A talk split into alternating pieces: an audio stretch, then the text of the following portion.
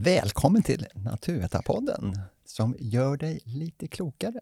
Vi som håller trådarna är jag, Palle Liljebäck och Sara Folker. Idag ska vi prata om, vi ska träffa Robot-Fredrik som han kallas. Precis. Fredrik Lövgren och eh, forskar om detta kring robotar, hur det, arbetsmarknaden kan komma att påverkas, om kommer ha jobben kvar till exempel. Precis, och bland annat kommer vi ju prata om det, alltså digitala möten, förändringarna där också. Just det, precis ja, med avatarer och annat spännande. Exakt. Vi släpper in Fredrik.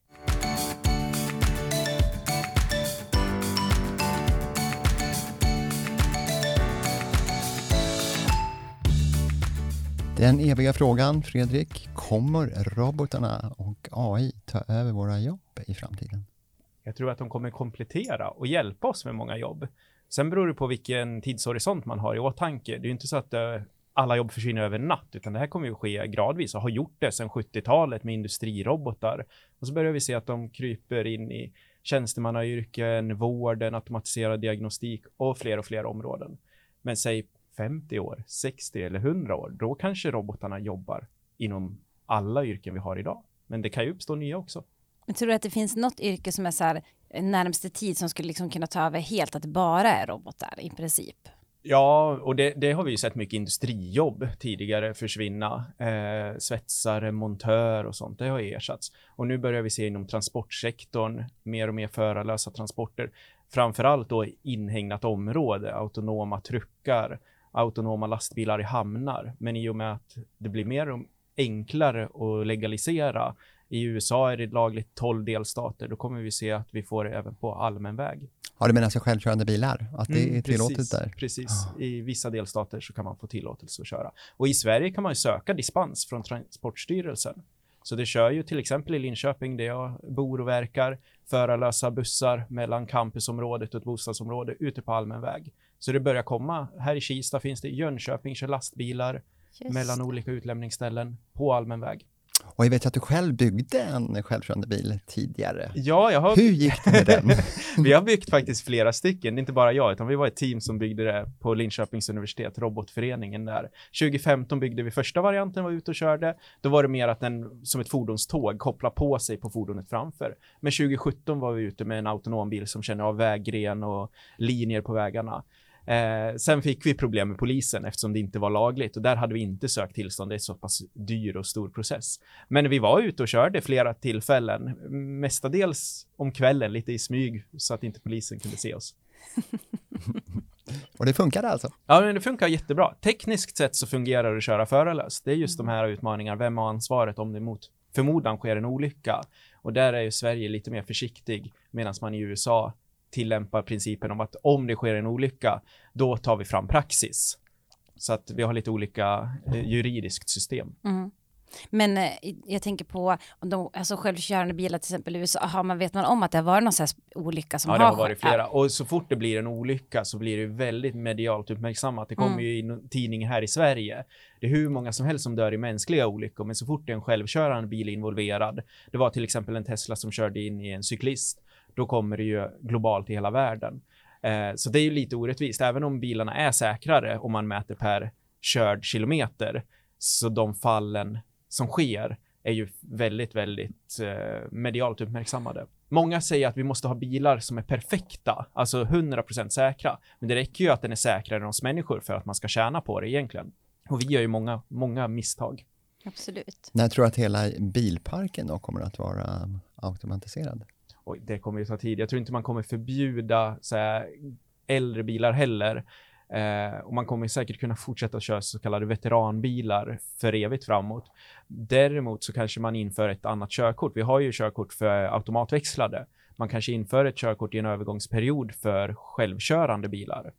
Så att man ändå ska ha någon form av ja, men, koll på hur bilen fungerar. Men säg att vi kommer se majoriteten förarlöst i slutet av 30-talet. Det tror jag, inom 20 år.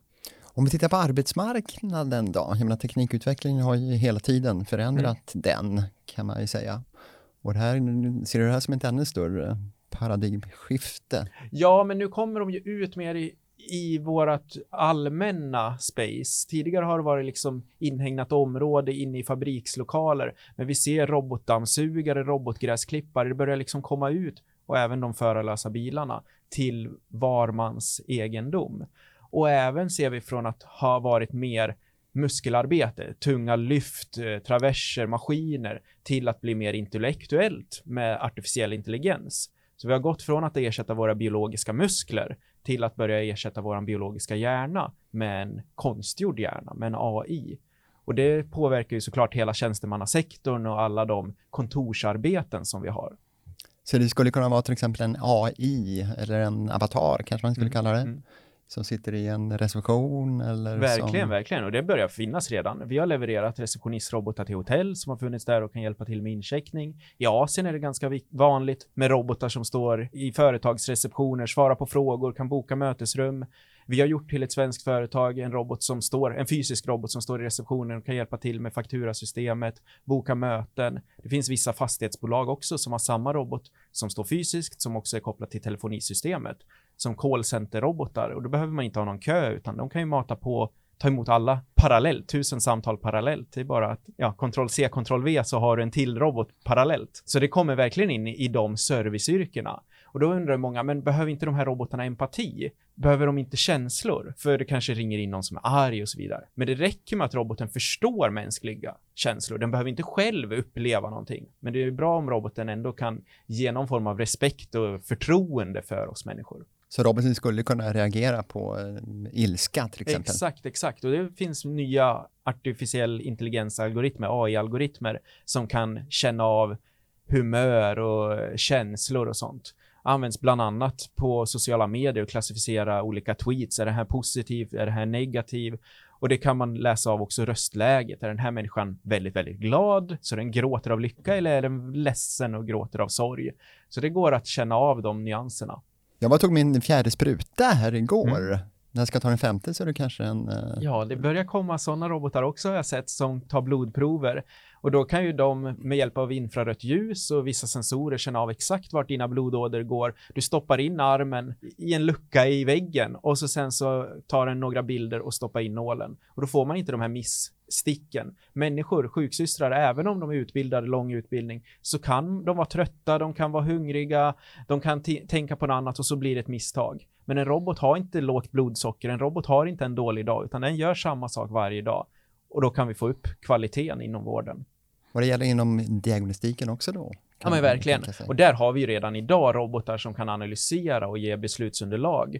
Till exempel olika cellvävnadsprover, cancer, bröstcancer till exempel är jättevälutvecklat. Så att då skickar man de här bilderna från mammografin till en robot som gör grovjobbet och kan peka ut de här områdena kanske läkaren behöver titta lite extra på och kan ge ett beslutsunderlag. Du borde ställa den här diagnosen, det är benigt eller det är malignit eller vad det nu är för någon form av Ja, cancer. precis, ja. Bilderna måste fortfarande tolkas.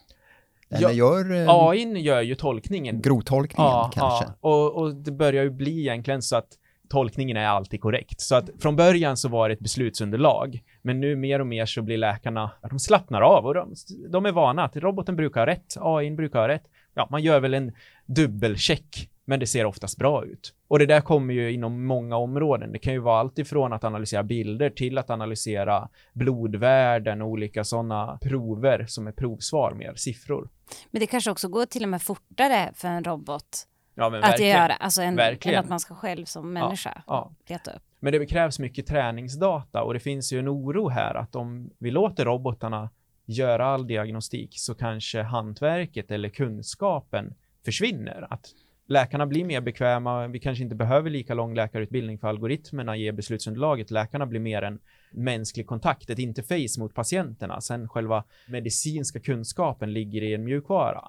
Om det introduceras en bugg eller liknande, då kan det vara svårt för en läkare att upptäcka det Mm. för att den litar så pass mycket på systemet. Så det är samma sak där, att båda behövs, så att säga, både människan och roboten. Ja, men det är ju så, speciellt i en övergångsperiod. Och så sen framöver får vi väl se, det kanske blir mer att vi behöver fler sjuksystrar som har patientkontakt och läkarna ägnar sig mer åt forskning och tar fram nya mediciner. Men även där kommer ju AI in i bilden och kan göra större analyser.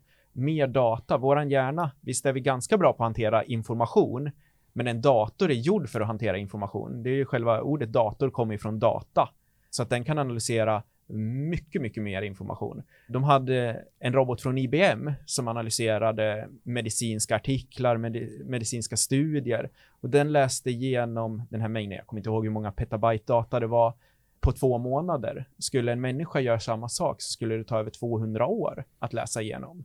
Oj. Så att det tar bara så lång tid för oss att läsa in mm. oss på informationen. Och sen kan den då dra slutsatser och hitta mönster vi, vissa människor är bra, de som har högt IQ är väldigt duktiga på att hitta de här äh, progressiva matriserna och mönsterbild, igenkänning och så. Men en AI, den är hundra gånger eller tusen gånger bättre på att hitta avvikelser i stora datamängder. Det är där man använder både inom medicinsk teknik men också juridik, analysera de här Panama Paper, paradisläckan, hitta människors connections, banktransaktioner, avvikelser. Här ser det lite fuffens ut. Och då kan AI ringa in de människor eller de eh, banktransaktionerna som ser misstänkta ut och ge det till en mänsklig jurist att analysera. Och det är lite liknande här inom medicinska världen, att AI hittar avvikelser, saker som sticker ut mycket, mycket bättre än vad vi gör. Så det kommer ju in i forskning också. Så jobben kommer att förändras, kan man väl säga? ja, men liksom verkligen. Den stora, stora ja, men verkligen, verkligen. Och det beror på hela tiden vilken tidshorisont vi tittar på. Det är inte så att jag säger att alla jobb försvinner, och verkligen inte inom tio år. Men på sikt så kommer vi kanske behöva göra andra saker och så kan vi ägna oss åt våra intressen. Om vi tar ett konkret exempel här på labb, sjukhuslabb till exempel. Mm, mm. Där vi har många medlemmar som jobbar inför Exakt, exakt. Där har jag jobbat med ett företag i Västerås som gör labbanalyser, för det är ganska farlig miljö. Du kan råka kontaminera de här proverna. Proverna kan innehålla sjukdomar, virus, bakterier och då kan vi ha en robot som sveper agarplattorna, gör odlingar, gör provtagning. Och då finns det robotar som har två armar som ser ut som oss människor, fast inget ansikte, men alltså i kroppsstorlek. Och då kan man nästan ett till ett ersätta en människa som gör sådana prover på agarplattor med en robot.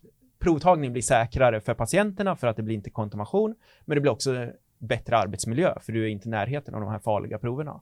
Och vad tror du om mikrobiologernas roll blir i det läget? Ja, från början så är det ju att lära upp robotar, att analysera, att lära robotar att kunna göra de här analyserna, att skapa ground truth, alltså sanningstabeller kanske man säger på svenska, för vad är en... Skola in dem liksom. Ja, men exakt, exakt.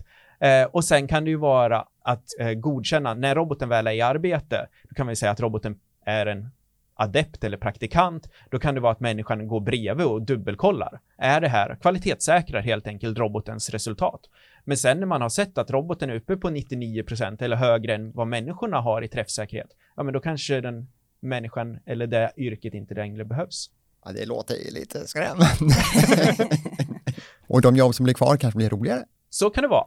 Så kan det vara. Och mer kreativa. Det finns ju en sån här trappa vilka yrken försvinner, eller de Moavres landskap av olika yrken. Då, då är det liksom ett landskap med berg och dalar och vattennivån höjs hela tiden. Och de som hamnar under vattenytan, de har försvunnit redan och det kan vara svetsare och montör och så vidare. Och så ser man liksom översättare börjar försvinna nu för att det finns automatiska metoder för att översätta mycket, mycket bättre än människor. Och så ökar vattennivån hela tiden. Och då de som är högst upp på bergstopparna, det är forskare, det är konstnärer, det är väldigt kreativa yrken där man måste tänka utanför boxen. Mm. Men att bara lära sig massa befintlig fakta och sen använda den faktan, det kommer försvinna sakta men säkert.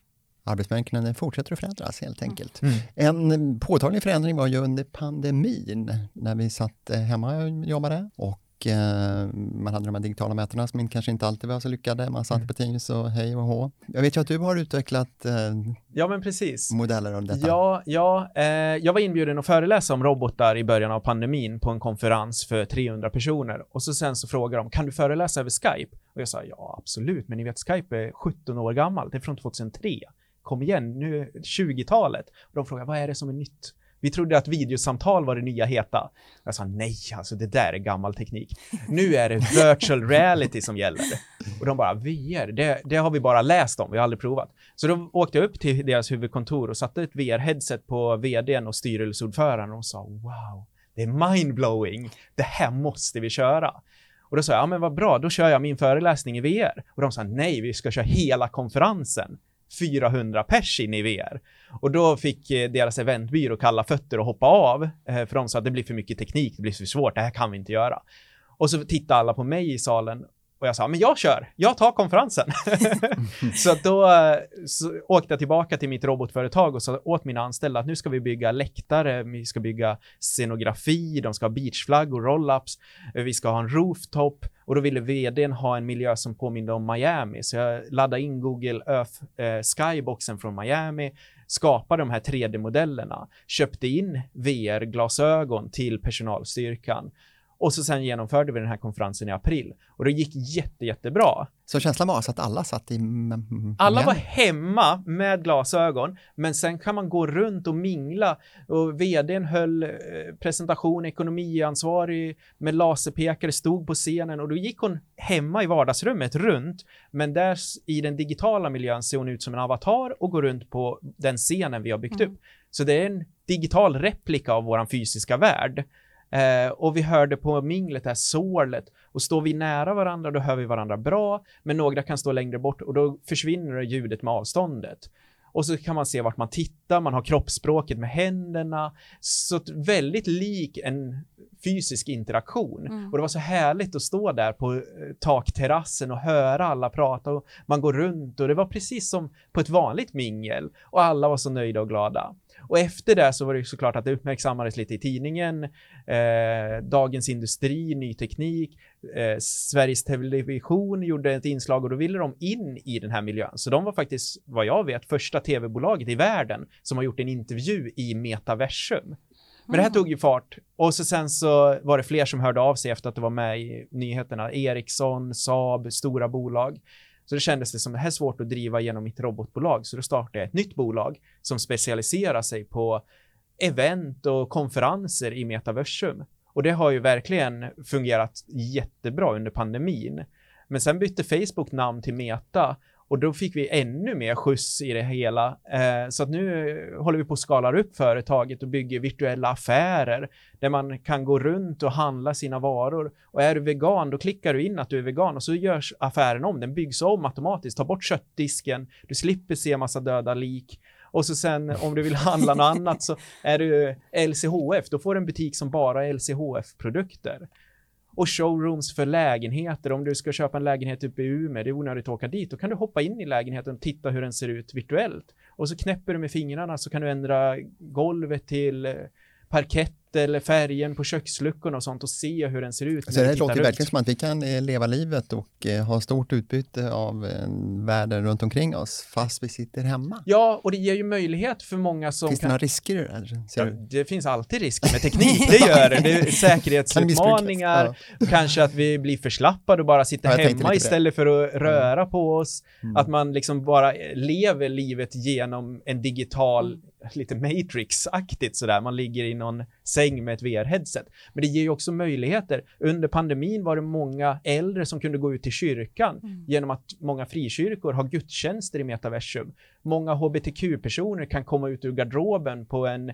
gayklubb i ett metaversum, en nattklubb där. Många äldre som kanske vill upptäcka Paris och har inte hunnit med det under livet kan resa virtuellt till Paris och gå runt på gatorna eller sätta sig på ett café och ta en baguette eller något. Här kan det... du bygga upp vilka miljöer som helst, till, ja, och, bara... till och med ute i rymden. Ja, men det är bara fantasin som sätter gränser och det var några som faktiskt ville ha en miljö uppe på planeten Mars och då tog jag NASAs 3D-bilder och laddade in i den här miljön. Sen var det lite svårt hur, hur man upplever att man är på planeten Mars. De har ju en annan gravitation. Mm. Så där satte jag dit lite studsmattor och då kunde vi uppleva hur vi kunde studsa 15 meter upp på studsmattor. Så att det var väldigt roligt att testa det och bygga upp virtuella scener och läktare där. Men det är verkligen superhäftigt. Men sen tänker jag också att även om om du säger så här, det finns risker att det kanske är att folk kommer sitta mer hemma eller vad som helst. Det är så här, sen är det ju också, det är ju trevligt att sitta och träffa människor och vara med dem, till exempel som under pandemin, då blir det ju också så här, det blir mer kreativt och roligare än att man sitter bara framför en dataskärm ja. i åtta timmar och ska ha ett, ett en konferens eller hur mm. många timmar där. Ja men verkligen, man och, blir väldigt trött av exakt. det. Exakt, mm. och då blir man ju ändå lite då tänker jag också att man rör ju på sig mer. Då. Om jag ska gå runt och ha en pekpinne och gå runt i vardagsrummet, då rör jag ändå på mig mer än om ja, jag sitter framför, min, framför datorn. Och man har mycket bättre kontakt med publiken. jag föreläser mycket där och jag gör som Hans Rosling med olika bubblor som blir olika storlekar och sånt. Men inte bara på en platt skärm, utan jag kan ta ut dem i, i publikhavet och jag bollar runt med dem och kan visa statistik och jag flyger liksom genom luften och vi visar proteinkomplex eh, och mycket saker som är svårt kanske att förstå på en planskärm. Och det kan du visa i 3D-bilder. Precis, precis. Runt publiken. HIV-virus, vi kan gå in i det där viruset. Om jag ska prata om andra världskriget, istället för att visa bilder så står vi i en skyttegrav och jag kan knäppa med fingrarna så byter vi till en annan miljö, ett mm. skyddsrum eller liknande och matematik, jag kan visa plan, ett helt vektorrum, vi kan befinna oss i ett vektorrum och göra en transformation av vektorrummet och känna hur det rör sig runt oss. Skärningar mellan plan och vektorer. Så det, så det kan användas verkligen i pedagogiken? Verkligen, verkligen. Och det är inte så många som har börjat göra det. Men Oxford University ligger ganska långt fram där i visualisering. Mm. Så man kan liksom nästan som kliva in i, ett, i en proteinstruktur? Exakt, exakt eller ett cellmembran. Vi hade en proteinkonferens för proteinforskare, professorer och doktorander. Och då byggde vi upp osmos och så kunde de som avatarer föreställande då vattenmolekyler åka genom ett cellmembran som osmos och gå in i cellerna och se hur de är uppbyggda i minsta atomnivå. Det blir väldigt påtagligt så att det, man kan fatta. Ja, exakt, exakt. Mycket, mycket mer pedagogiskt. Det här med till exempel att när man ska handla mat, mm. istället för att jag ska behöva läsa på så här, om jag vill se LCHF, mm. om jag vill köra LCHF, så ska man ju läsa på mm, vad ska man äta, vad ska man inte ja, äta. och läsa på innehållsförteckningen på allting. Exakt, ja. och då vet man liksom att kan man välja ut det. Det gör ju också mycket enklare för en att veta så här, men då, det här är det som jag kan äta. Mm, mm. Alltså det är mycket lättare än om jag ska faktiskt gå in i en butik själv eller, och ha läst exakt, på innan exakt. hela, så det är också Och det man bra. också kan få upp i en sån där butik, det är ju recensioner, du kan få upp betyg mm. och sånt, så det, det, är som en skärm som liksom dyker upp bredvid. Du plockar upp ett flingpaket och så dyker det upp en skärm med betyg på den, eller om du är på Ikea så kan du få miljöpåverkan på den här stolen och all information som, som en liten overlay i ditt synfält. Och kom kommentarer från andra användare. Och, ja, exakt. Betyg och recensioner och alla de mm. bitarna. Ja, nej, men det här var ju hur intressant som ja. helst och det känns som att man skulle kunna sitta här hela förmiddagen. ja. Men tiden är ute ja. faktiskt och vi får tacka Fredrik för de här äh, insikterna du delar med dig av. Tack så jättemycket. Vi ska inte vara oroliga, utan vi, det känns ju mer som möjligheter. Ja, men jag tror att man ska prata om de här frågorna mer. Det finns en stor okunskap. Det är samma sak med miljöpåverkan, klimatförändringar. Jag tror att den här diskussionen är viktig att ha. Sen ska man ju inte vara orolig och liksom gå och lägga sig med en klump i magen. Men det är bra att prata med sin partner, sina barn om framtidens arbetsmarknad så att vi kan tillsammans lösa de utmaningar vi står inför. Och att vi är beredda. Exakt, det är det viktigaste. Okej, okay. tack, tack ska du ha Fredrik. Tack.